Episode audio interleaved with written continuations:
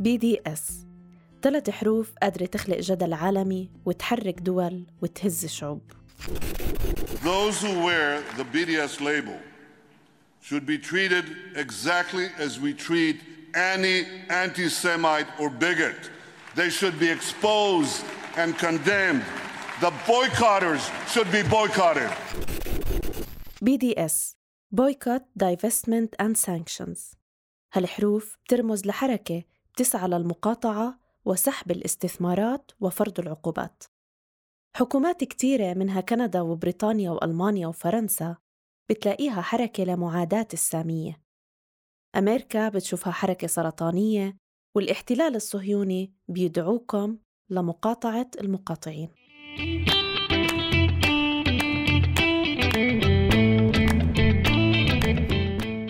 مرحبا فيكم في بودكاست أثر من شبكة التنظيم المجتمعي بالعالم العربي.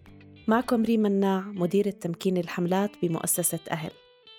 برنامجنا بينقل تجارب تنظيمية لحركات مجتمعية وحملات شعبية في مجتمعنا. لنتعمق بمفهوم القيادة. بهاي الحلقة رح نزور فلسطين لنتعرف على نموذج BDS أو حركة المقاطعة. على مدار 15 سنة كيف انبنى هالتنظيم؟ وتوسع دوليا. وكيف أعضائه حافظوا على تماسك هذا الامتداد وقدروا يتبعوا البوصلة العامة للحركة كل واحد حسب سياقه.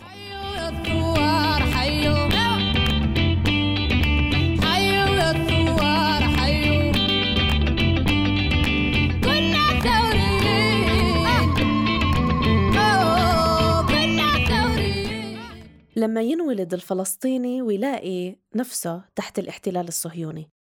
هالسياق بخليه من طفولته جزء من منظومة بتحركه يواجه هذا الاحتلال اللي يومياً بينتهك حقوقه.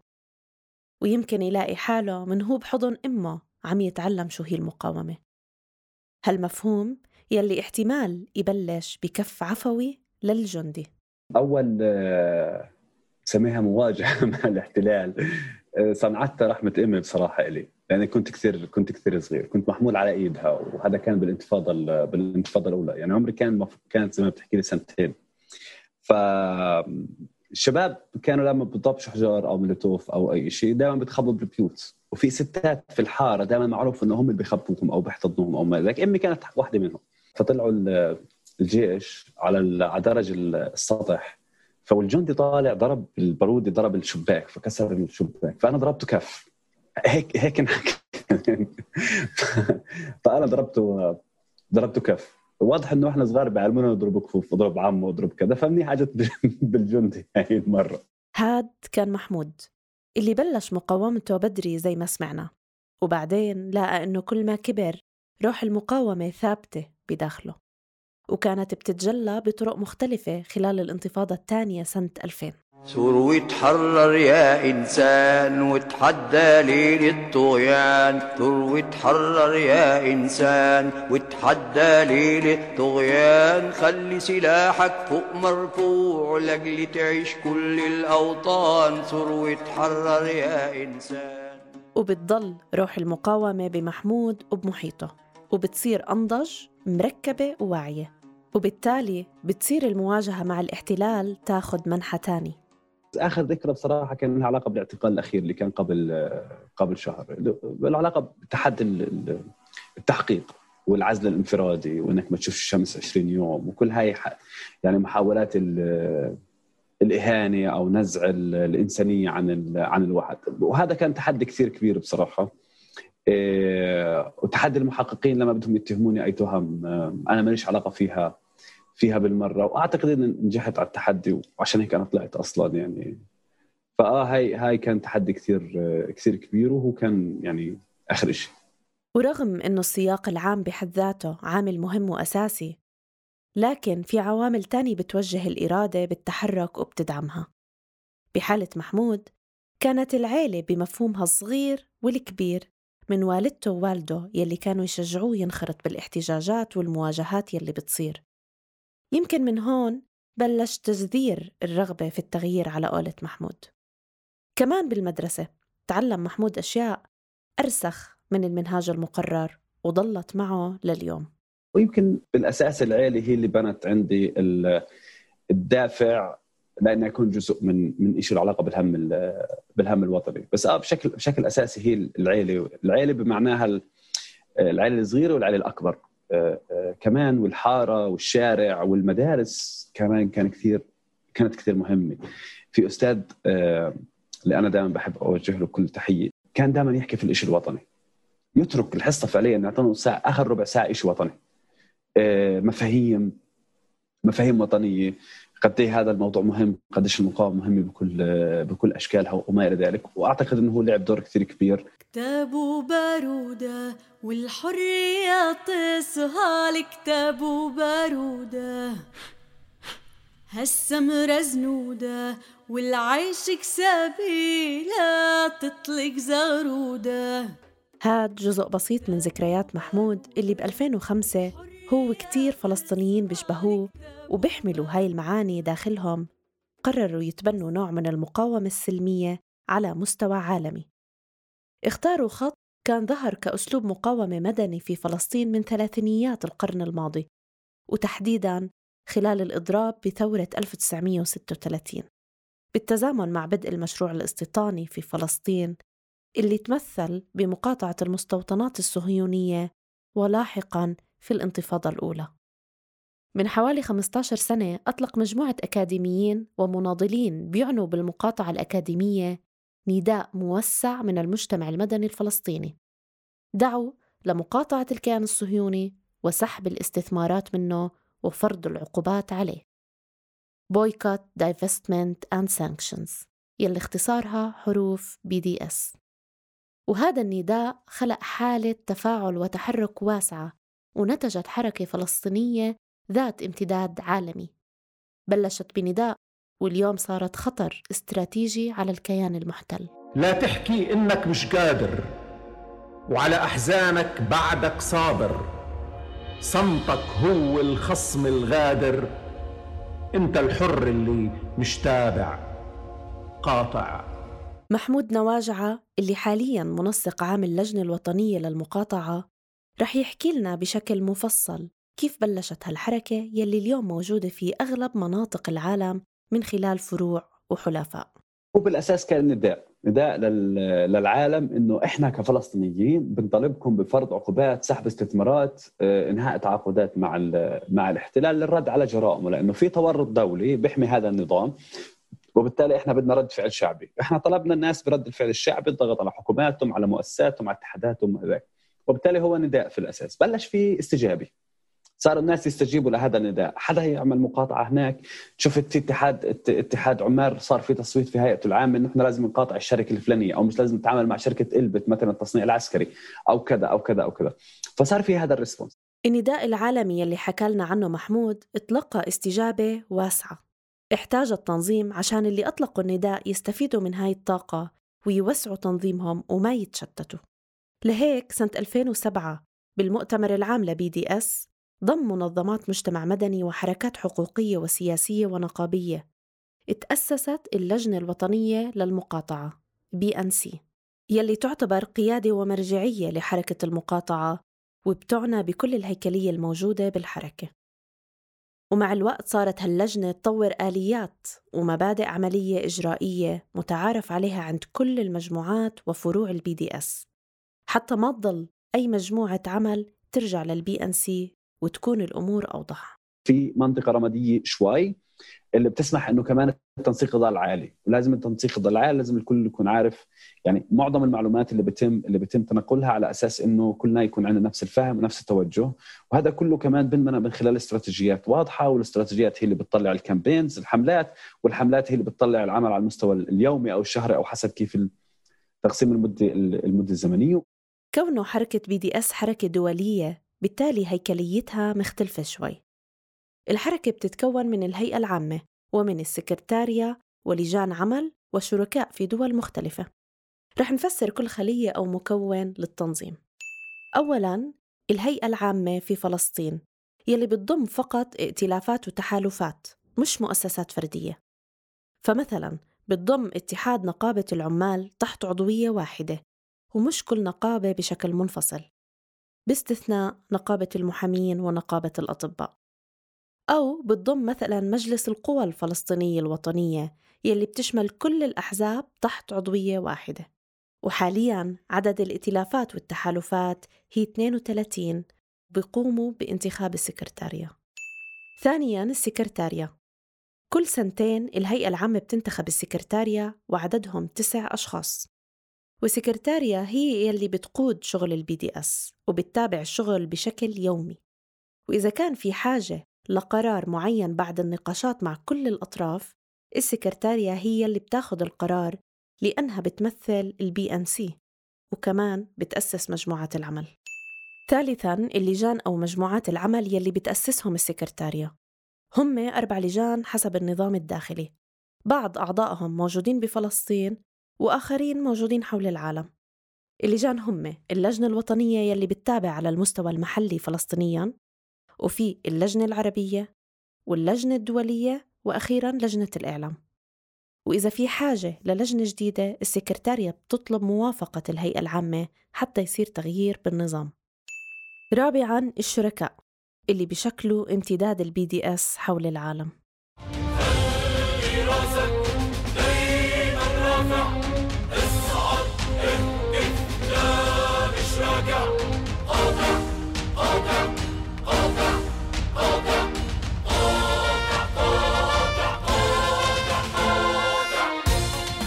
خبرنا محمود إنه في شركاء لل BDS بالوطن العربي وأوروبا والهند وأمريكا اللاتينية.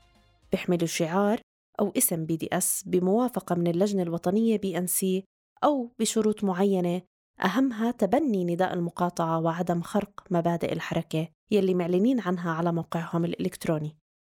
وفي شركاء لل BDS اللي ما بيحملوا الشعار ولا الاسم وبيتحالفوا مع الحركة وحملاتها. مثلا شريك الصوت اليهودي للسلام أو تضامن في بريطانيا وبيكون لهم دور مهم رح نحكي عنه. أما كيف ال BDS بنوا تحالفات وكيف صاروا بكل هاي الأماكن ففينا نلخص بثلاث طرق. الطريقة الأولى مجموعات حركة مقاطعة بتحمل اسم BDS وهاي المجموعات بتتألف من نشطاء غالبا عددهم صغير. إيطاليا على سبيل المثال فيها مجموعتين للحركة بمناطق مختلفة. الطريقة الثانية بناء ائتلافات من منظمات وحركات تحت اسم الحركة مثل تحالف في جنوب إفريقيا. الطريقة الثالثة تحالف على حملة. وهي بتكون مع جهات ممكن ما بتحمل اسم الحركة لكن بيتم العمل معها على حملة محددة مثل حملة مقاطعة شركة أجريكسكو.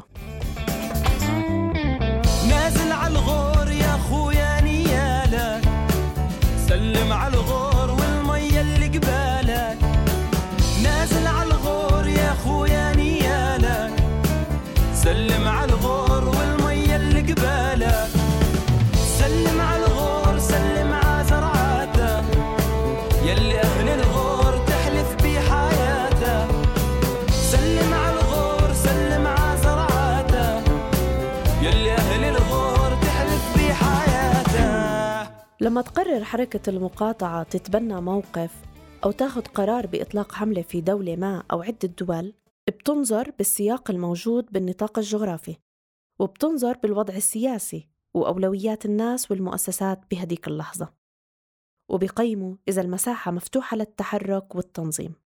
وبعدين بيخططوا كيف رح يكون في تدرج واستدامة بالحملة. لما بنحكي الحساسية للسياق بجهتين السياق في المنطقة نفسها وسياق حركة حركة المقاطعه يعني مثلا آه، بجنوب أفريقيا إذا بدهم يطلعوا بستيتمنت آه، أو أو أو شيء معين ممكن يدور في الولايات المتحدة. ممكن يدور في كندا أو بريطانيا أو كذا. نحكي لهم انتبهوا هذا ممكن يوقع ضرر على شركائنا وعلى مجموعاتنا في مكان في مكان هو ممكن يناسب سياقهم. بيكون عادي كثير حلو في سياقهم. بس ممكن يضرنا في سياقات في سياقات أخرى فبنطلب منهم إنه انتبهوا في تعديل معين هون حتى يناسب سياقات أخرى ما يكونش في ضرر. ففي هاي هذا النوع من من التوازن اللي بعيد جدا جدا عن السيطرة المطلقة على المجمو... على على المجموعات. بنسيطرش ولا باي شكل على المجموعات بشكل بشكل مطلق. أصلا إحنا بنرفض فكرة السيطرة من من اساسها لأنه هي بتمنع الإبداع فيش إبداع الناس بتبطل تقدر تتحرك بطريقه بطريقة معينة بعدين هاي هاي تضامن يعني أصلا الناس متطوعين وجايين يتضامنوا يتضامنوا معنا بس عشان ما نأذيش بعض مجموعات ما تأذيش بعض في مجموعة من المعايير والمبادئ وال والإجراءات اللي يجب اتخاذها عشان نضل محافظين على BDS كحركة آه، آه، تحمل هاي المجموعة من المبادئ الإنسانية وكحركة حقوقية.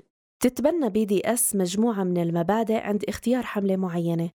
تبدأ باختيار حملات على نطاق جغرافي محدد وبتدرس أربع معايير لدراسة الجدوى أو نجاعة الحملة.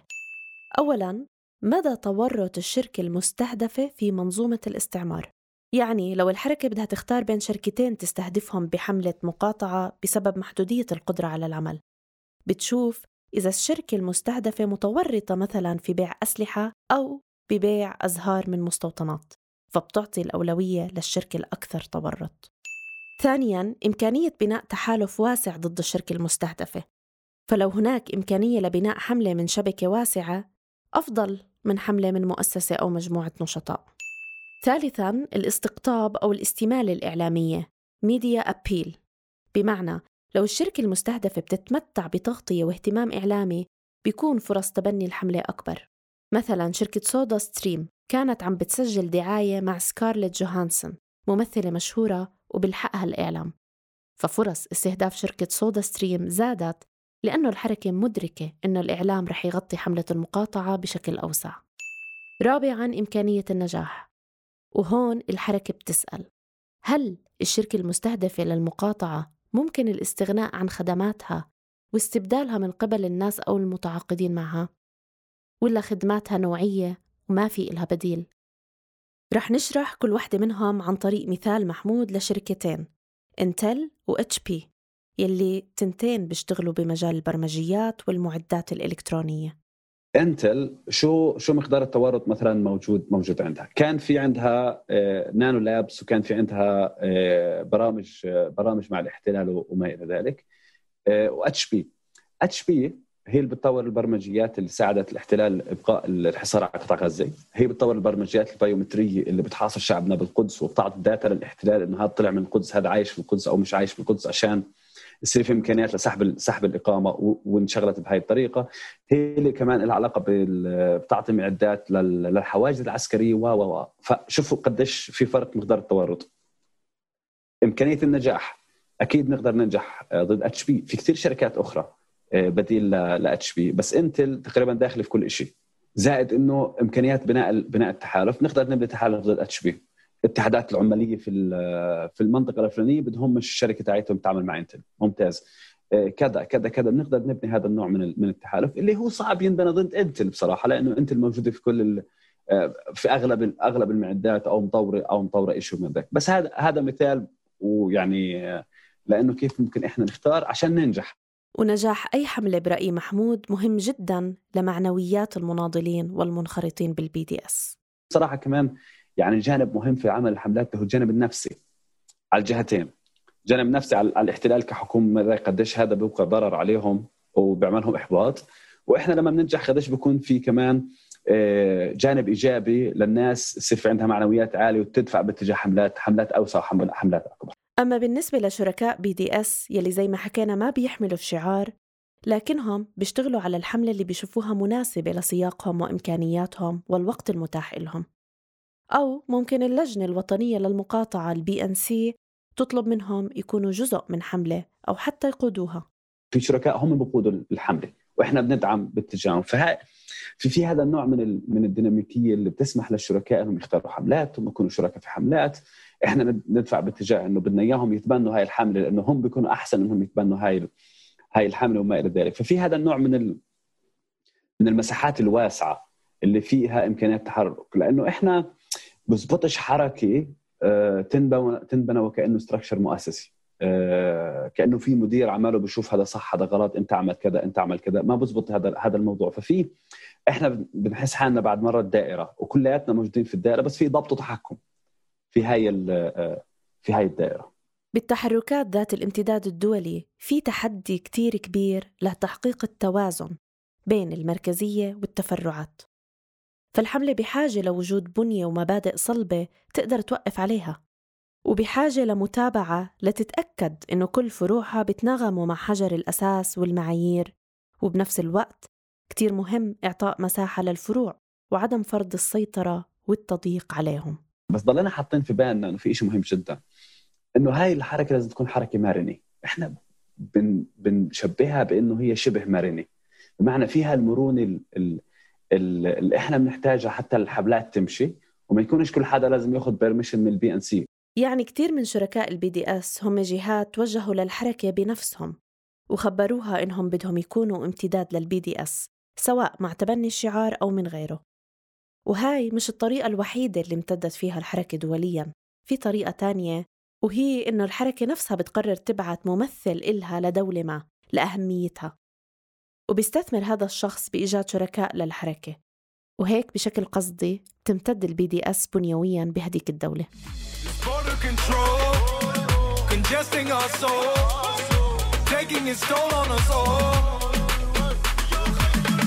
We're gonna dissolve.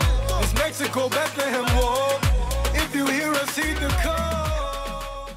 محمود حكى لنا عن اختيار نقطة تحالف استراتيجية بمكان ببعد عن فلسطين 2800 ميل الهند وإحنا كنا معنيين بالهند لأنه صار في تحالفات ما بين آه، منظومة الاحتلال ومع الحكومة حكومة اليمين اللي هي حكومة مودي الحالية بيع اسلحه وصفقات آه، وصفقات و- آه، وما إلى ذلك. فكنا بحاجة لإحياء هاي هاي هاي العلاقات وبناء التحالفات. وبالتالي كنا لازم نروح على الهند. لازم نروح هناك.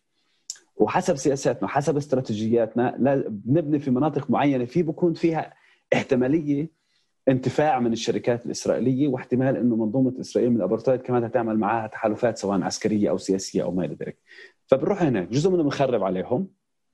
وجزء منهم ببلش نبني في تحالف في تحالفات، إحنا بنروح بكون في عندهم مؤتمرات، إحنا بنروح على وقت بكونوا مؤتمراتهم في الفت في الفترة الفلانية أو بكون في عندهم مؤتمر كبير. يعني مثلا لما كنا هناك كان في مؤتمر للمزارعين من من كل المناطق مش بس بالهند. من كل المناطق المجاورة كانوا موجودين هناك. ورحنا إحنا متحدث رئيس وحكينا في الموضوع صار في تبني ل لبي دي إس وتكتيكات وما إلى ذلك هناك. فإنه كمان إحنا بدنا نروح مش سياحة. يعني بدنا نروح عارفين إنه في شيء بده ينشغل هناك وفي شيء مبني. في صار تواصل آه، عرفنا مين الموجود كيف بدنا نشتغل معهم شو التواصل معهم.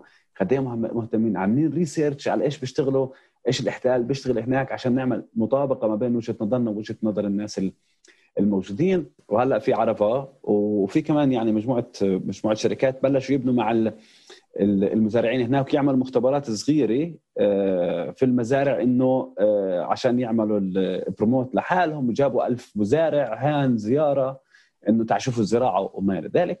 نزلنا هناك فرحنا مع كيسان سابها اللي هم أكثر من 10 مليون مزارع تقريبا تبنوا BDS بالكامل وقالوا إسرائيل برا. لأنه هم كمان وهذا له علاقة بكيف نبني التحالفات هم حسوا إنه في خطر عليهم. آه، حسوا إنه في خطر بأكثر من شغلة. آه، اولا ال- المعدات الري وكل هاي الأشياء مش راح تتصنع بالهند وبالتالي كلها راح تتصنع لدى لدى الاحتلال. هاي شغلة.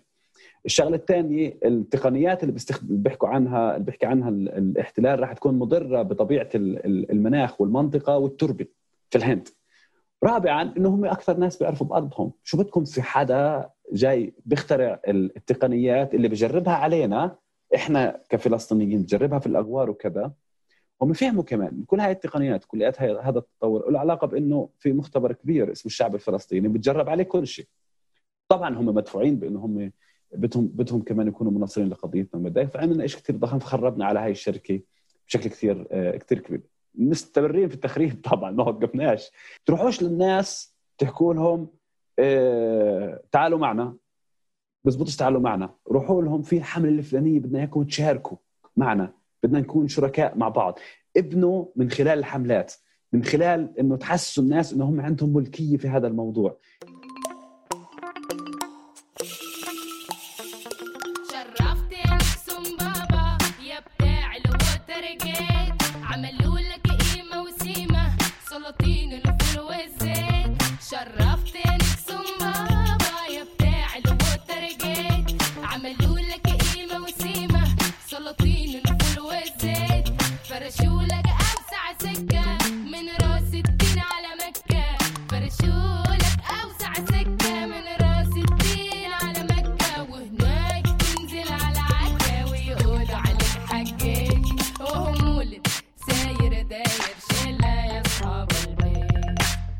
وبمثال الهند منلاحظ أنه الحركة بزيارتها القصدية ما اكتفت بالعمل على أهداف محددة لتوقف العلاقة بين الكيان الصهيوني وفئة من الشعب الهندي بل استثمرت بنيوياً بحيث تبني تحالف للحركة وتوسع امتدادها كاستثمار على المدى البعيد.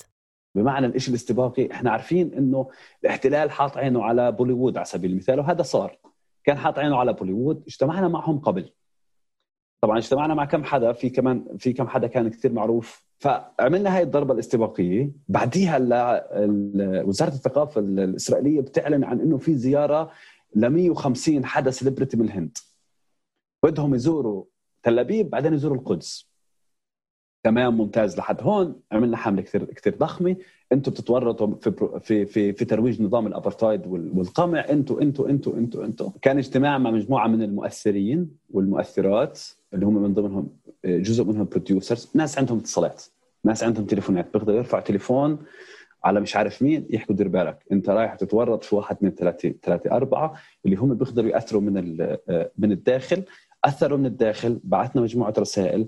عملنا مقابلات مع الإعلام في في الهند إنه بوليوود مش لازم تتورط في كذا كذا كذا كذا. في الإعلام ال mainstream بمعنى اللي هم بيقراوه فبنينا عندهم الفكرة وبعدين صرنا صرنا نضغط. فصاروا بعد بناء الفكرة صاروا قابلين للضغط إنه ينضغط عليهم أو إنه ينحكى معهم. وبعد التعمق بدراسة سياق الهند وكل هذا الجهد والتنسيق والمتابعة ببناء التحالفات بشكل سليم حققت حركة المقاطعة هدفها. خربنا الموضوع التغت الزيارة بشكل آه، بشكل كامل. ما رجعتش الزيارة يعني. قبل قبل بكثير من كورونا يعني. الخضرة يا قلبي وإن بان بعيني وإن بان بعيني دائم الثورة يا قلبي وإن صارت وإن صارت بالتنظيم اللي بيحمل امتداد عالمي وتشعبات كتيرة بيكون في احتمالية إنه أحد الفروع بالحركة أو فرقها يطير برا السرب وتصير نغمته مخالفة لشيء أساسي وبالتالي ممكن يضر بالحركة. إذا حدا من مجموعاتنا مثلا في أي مكان في في العالم خرجت عن عن المبادئ كان في مثلا ستيتمنت معينة أو جملة معينة فيها خطاب كراهية. مباشرة إحنا بنتدخل. إحنا هون بنتدخل. بنتدخلش في الحملة ما بنتدخلش بدهم يعملوا ورشة عمل ولا بدهم مش يعملوا. ما بنتدخل كيف بدهم يعملوا نشاط آه، نشاطهم. بدهم يعملوا مسيرة ولا بدهم يعملوا كذا ولا بدهم يعملوا كذا. طبعا حتى هذا في له كمان في له كمان آه، معايير اللي هي العلاقة برفض الأذى. آه، بلاش تكسير بلاش كذا بلاش كذا. يعني في أشياء أكثر أكثر دقة من مجرد التكسير فورد مثلا جملة معينة إنه في خطاب كراهية. مباشرة نتواصل مع هاي المجموعة. لازم يشيلوا يشيلوا المحتوى. بعدين في مجموعة من الإجراءات يجب يجب اتخاذها. و وما اذا إذا ما كان في استجابة إذا ما كان في استجابة بنسحب من عندهم الشعار ببطلوا مجموعة BDS بيقدروا يسموا حالهم أي شيء في العالم بس بيقدروا يسموا حالهم BDS وبطلوا جزء من ال BDS BDS movement بيعطينا محمود مثال على تخليهم عن أحد التحالفات عند انتهاك إحدى المعايير المعلن عنها. يعني كان في عندهم ممارسات آه، على المستوى على المستوى على المستوى الشخصي ممارسات آه، ممارسات معينة. وبناء على هاي على هاي الممارسات آه، طلبنا منهم بتحقيق وما إلى ذلك. ما صارش التحقيق زي ما زي ما إحنا بدنا إياه وحسب وحسب معاييرنا وما إلى ذلك. بعدين طلبنا منهم مجموعه مجموعة مطالب. آه، ما ما لبيت هاي هاي المطالب بمعنى إنه طلبنا يعني شكل من أشكال العقوبات بناء على إنه على تحقيق على تحقيق داخل عنا وشفنا النتائج واستمعنا لكل لكل الأطراف. ما صارش. كمان آخر شيء كان إنه الإجراء النهائي طبعا هو سحب الشعار. هذا هذا آخر شيء اللي إحنا دائما نتمناش نوصله. كان الاجراء النهائي قرار وهذا قرار كان على مستوى الهيئة العامة عندنا آه إنه يجب سحب سحب الشعار ويعني خلص فيش هاي المجموعة مش موجودة بنخلصها بعدين بنرجع نبني مجموعة جديدة. بالنسبة للبي دي اس المبادئ مترابطة ومتماسكة وهي واضحة ومكتوبة بصراحة. بعضها متعلق بهدف النضال واستراتيجيته وبعضها متعلق بآليات النضال وأساليبه وبعضها متعلق بسلوكيات المناضلين والمناضلات أنفسهم. وبالتالي ما بيقدر العضو أو العضوة بالحركة ينقوا اللي بيناسبهم للدفاع عنه ويتركوا الباقي. لو بدنا نتبنى هذا المبدأ إنه الشغل ماشي وكذا كان ما انبنتش بي دي إس. آه بدون بدون مبادئ مبادئ واضحة وصريحة. آه، وبدون ما نحافظ على هاي على هاي المبادئ اللي بترفض خطاب الكراهية بترفض المعاداه الساميه بترفض التحرش ال- الجنسي بترفض كثير اشياء أشياء ثانية بدون هاي المبادئ كان يخسرنا كثير كثير كثير تحالفات. كان يخسرنا الناس وكان يخسرنا أنفسنا بشكل أساسي لأنه هذا حسب حتى جزء من المبادئ اللي إحنا كأشخاص كمان ب- آه، بنحملها. وبالتالي في مجموعه مجموعة مبادئ انوضعت ومنشورة كلياتها. لا يمكن تخطيها لا يمكن لا يمكن تجاوزها ولا بأي شكل من الأشكال. حتى لو كان على حساب BDS ممكن نخسر اليوم نخسر مجموعة تنتين ثلاث نخسر مجموعة من الأفراد. بس على المدى على المدى البعيد بتضل محافظين لأنه هذا نضال هذا يعني إحنا بنمثل نضال جزء من نضال شعبنا ال- اليوم. وعشان نمثله وعشان نمثله صح لازم يكون عندنا في مجموعة مبادئ. مبادئ صحيحة بالذات انه إحنا بنحكي عن حقوق الإنسان. آه، يعني إحنا إحنا بنعرف ناسنا كحركه حقوق الإنسان بشكل أساسي. وبالتالي الدفاع عن حقوق حقوق ال- ال- الناس لا يجزأ. يعني بزبطش مثلا نيجي نحكي إنه إحنا ضد آه، ضد الهند وضد علاقة الهند مع إسرائيل بس إحنا كل شيء تمام في اللي بيعملوه في كشمير ولا بأي شكل من الأشكال بزبط. آه، وبالتالي بالنسبة لنا الحقوق الحقوق لا تجزأ. آه، وهذا نفس الموضوع ينطبق على على كثير على كثير اشياء أشياء ثانية في المبادئ الرئيسية يعني المبادئ تغلب على التكتيكات أو المراوغة. في شيء اسمه مراوغة في شيء اسمه تكتيكات في ظل وجود المبادئ. المبدأ هو الأساس بعدين التكتيكات لها علاقة بال- بالحملات بس مش بالمبادئ. أناديكم أشد على أياديكم وأبوس الأرض. تحت نعالكم وأقول أفديكم. أناديكم أشد على أياديكم وأبوس الأرض. تحت نعالكم وأقول أفديكم. بيشوف محمود إنه البي دي أس بتمثل طموحات وأمال الشعوب العربية للانتهاء من الاستعمار المفروض بشكل أو بآخر على دولنا العربية. ورغم إنه اليوم بتعيش الشعوب العربية مرحلة صعبة مع إعلان بعض حكوماتها السلام مع الكيان الصهيوني لكن الشعب الفلسطيني ما زال مؤمن إنه قضيته لساتها قوية عند الشعوب العربية وإنهم رافضين التطبيع قلبا وقالبا. إحنا إيه إيه على ثقه عالية جدا جدا انه شعبنا في, في الإمارات وكل الخليج ضد هاي هاي الاتفاقيات.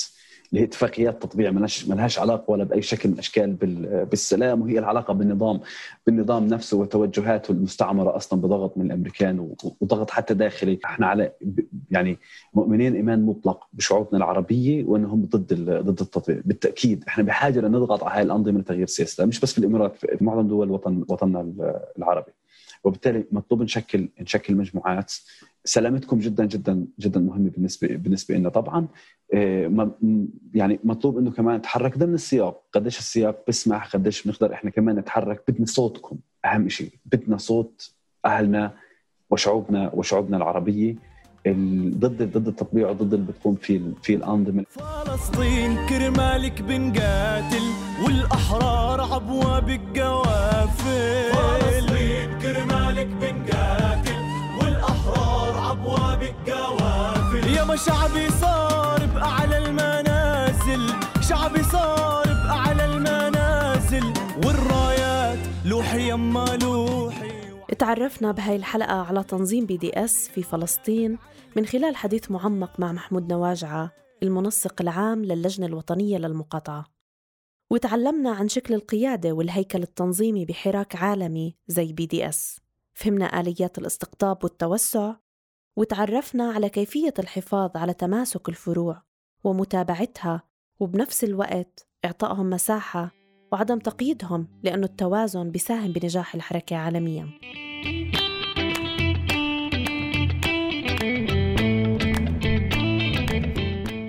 بودكاست أثر من إنتاج صوت بتوجيه من شبكة أثر ومؤسسة أهل.